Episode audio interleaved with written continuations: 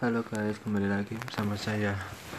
Kali ini saya akan membahas tentang uh, ketika usia uh, penjualan opalas Jawa Pos mengalami uh, ke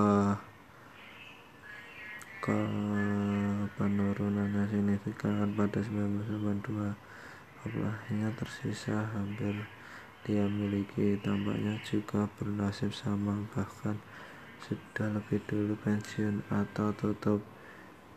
Ketika akhirnya mengambil keputusan menjual perusahaan Jawa Pos sebabnya beliau sudah merasa tidak mampu lagi mengelola perusahaannya. Sementara itu ketika orang anaknya lebih suka memilih tinggal di London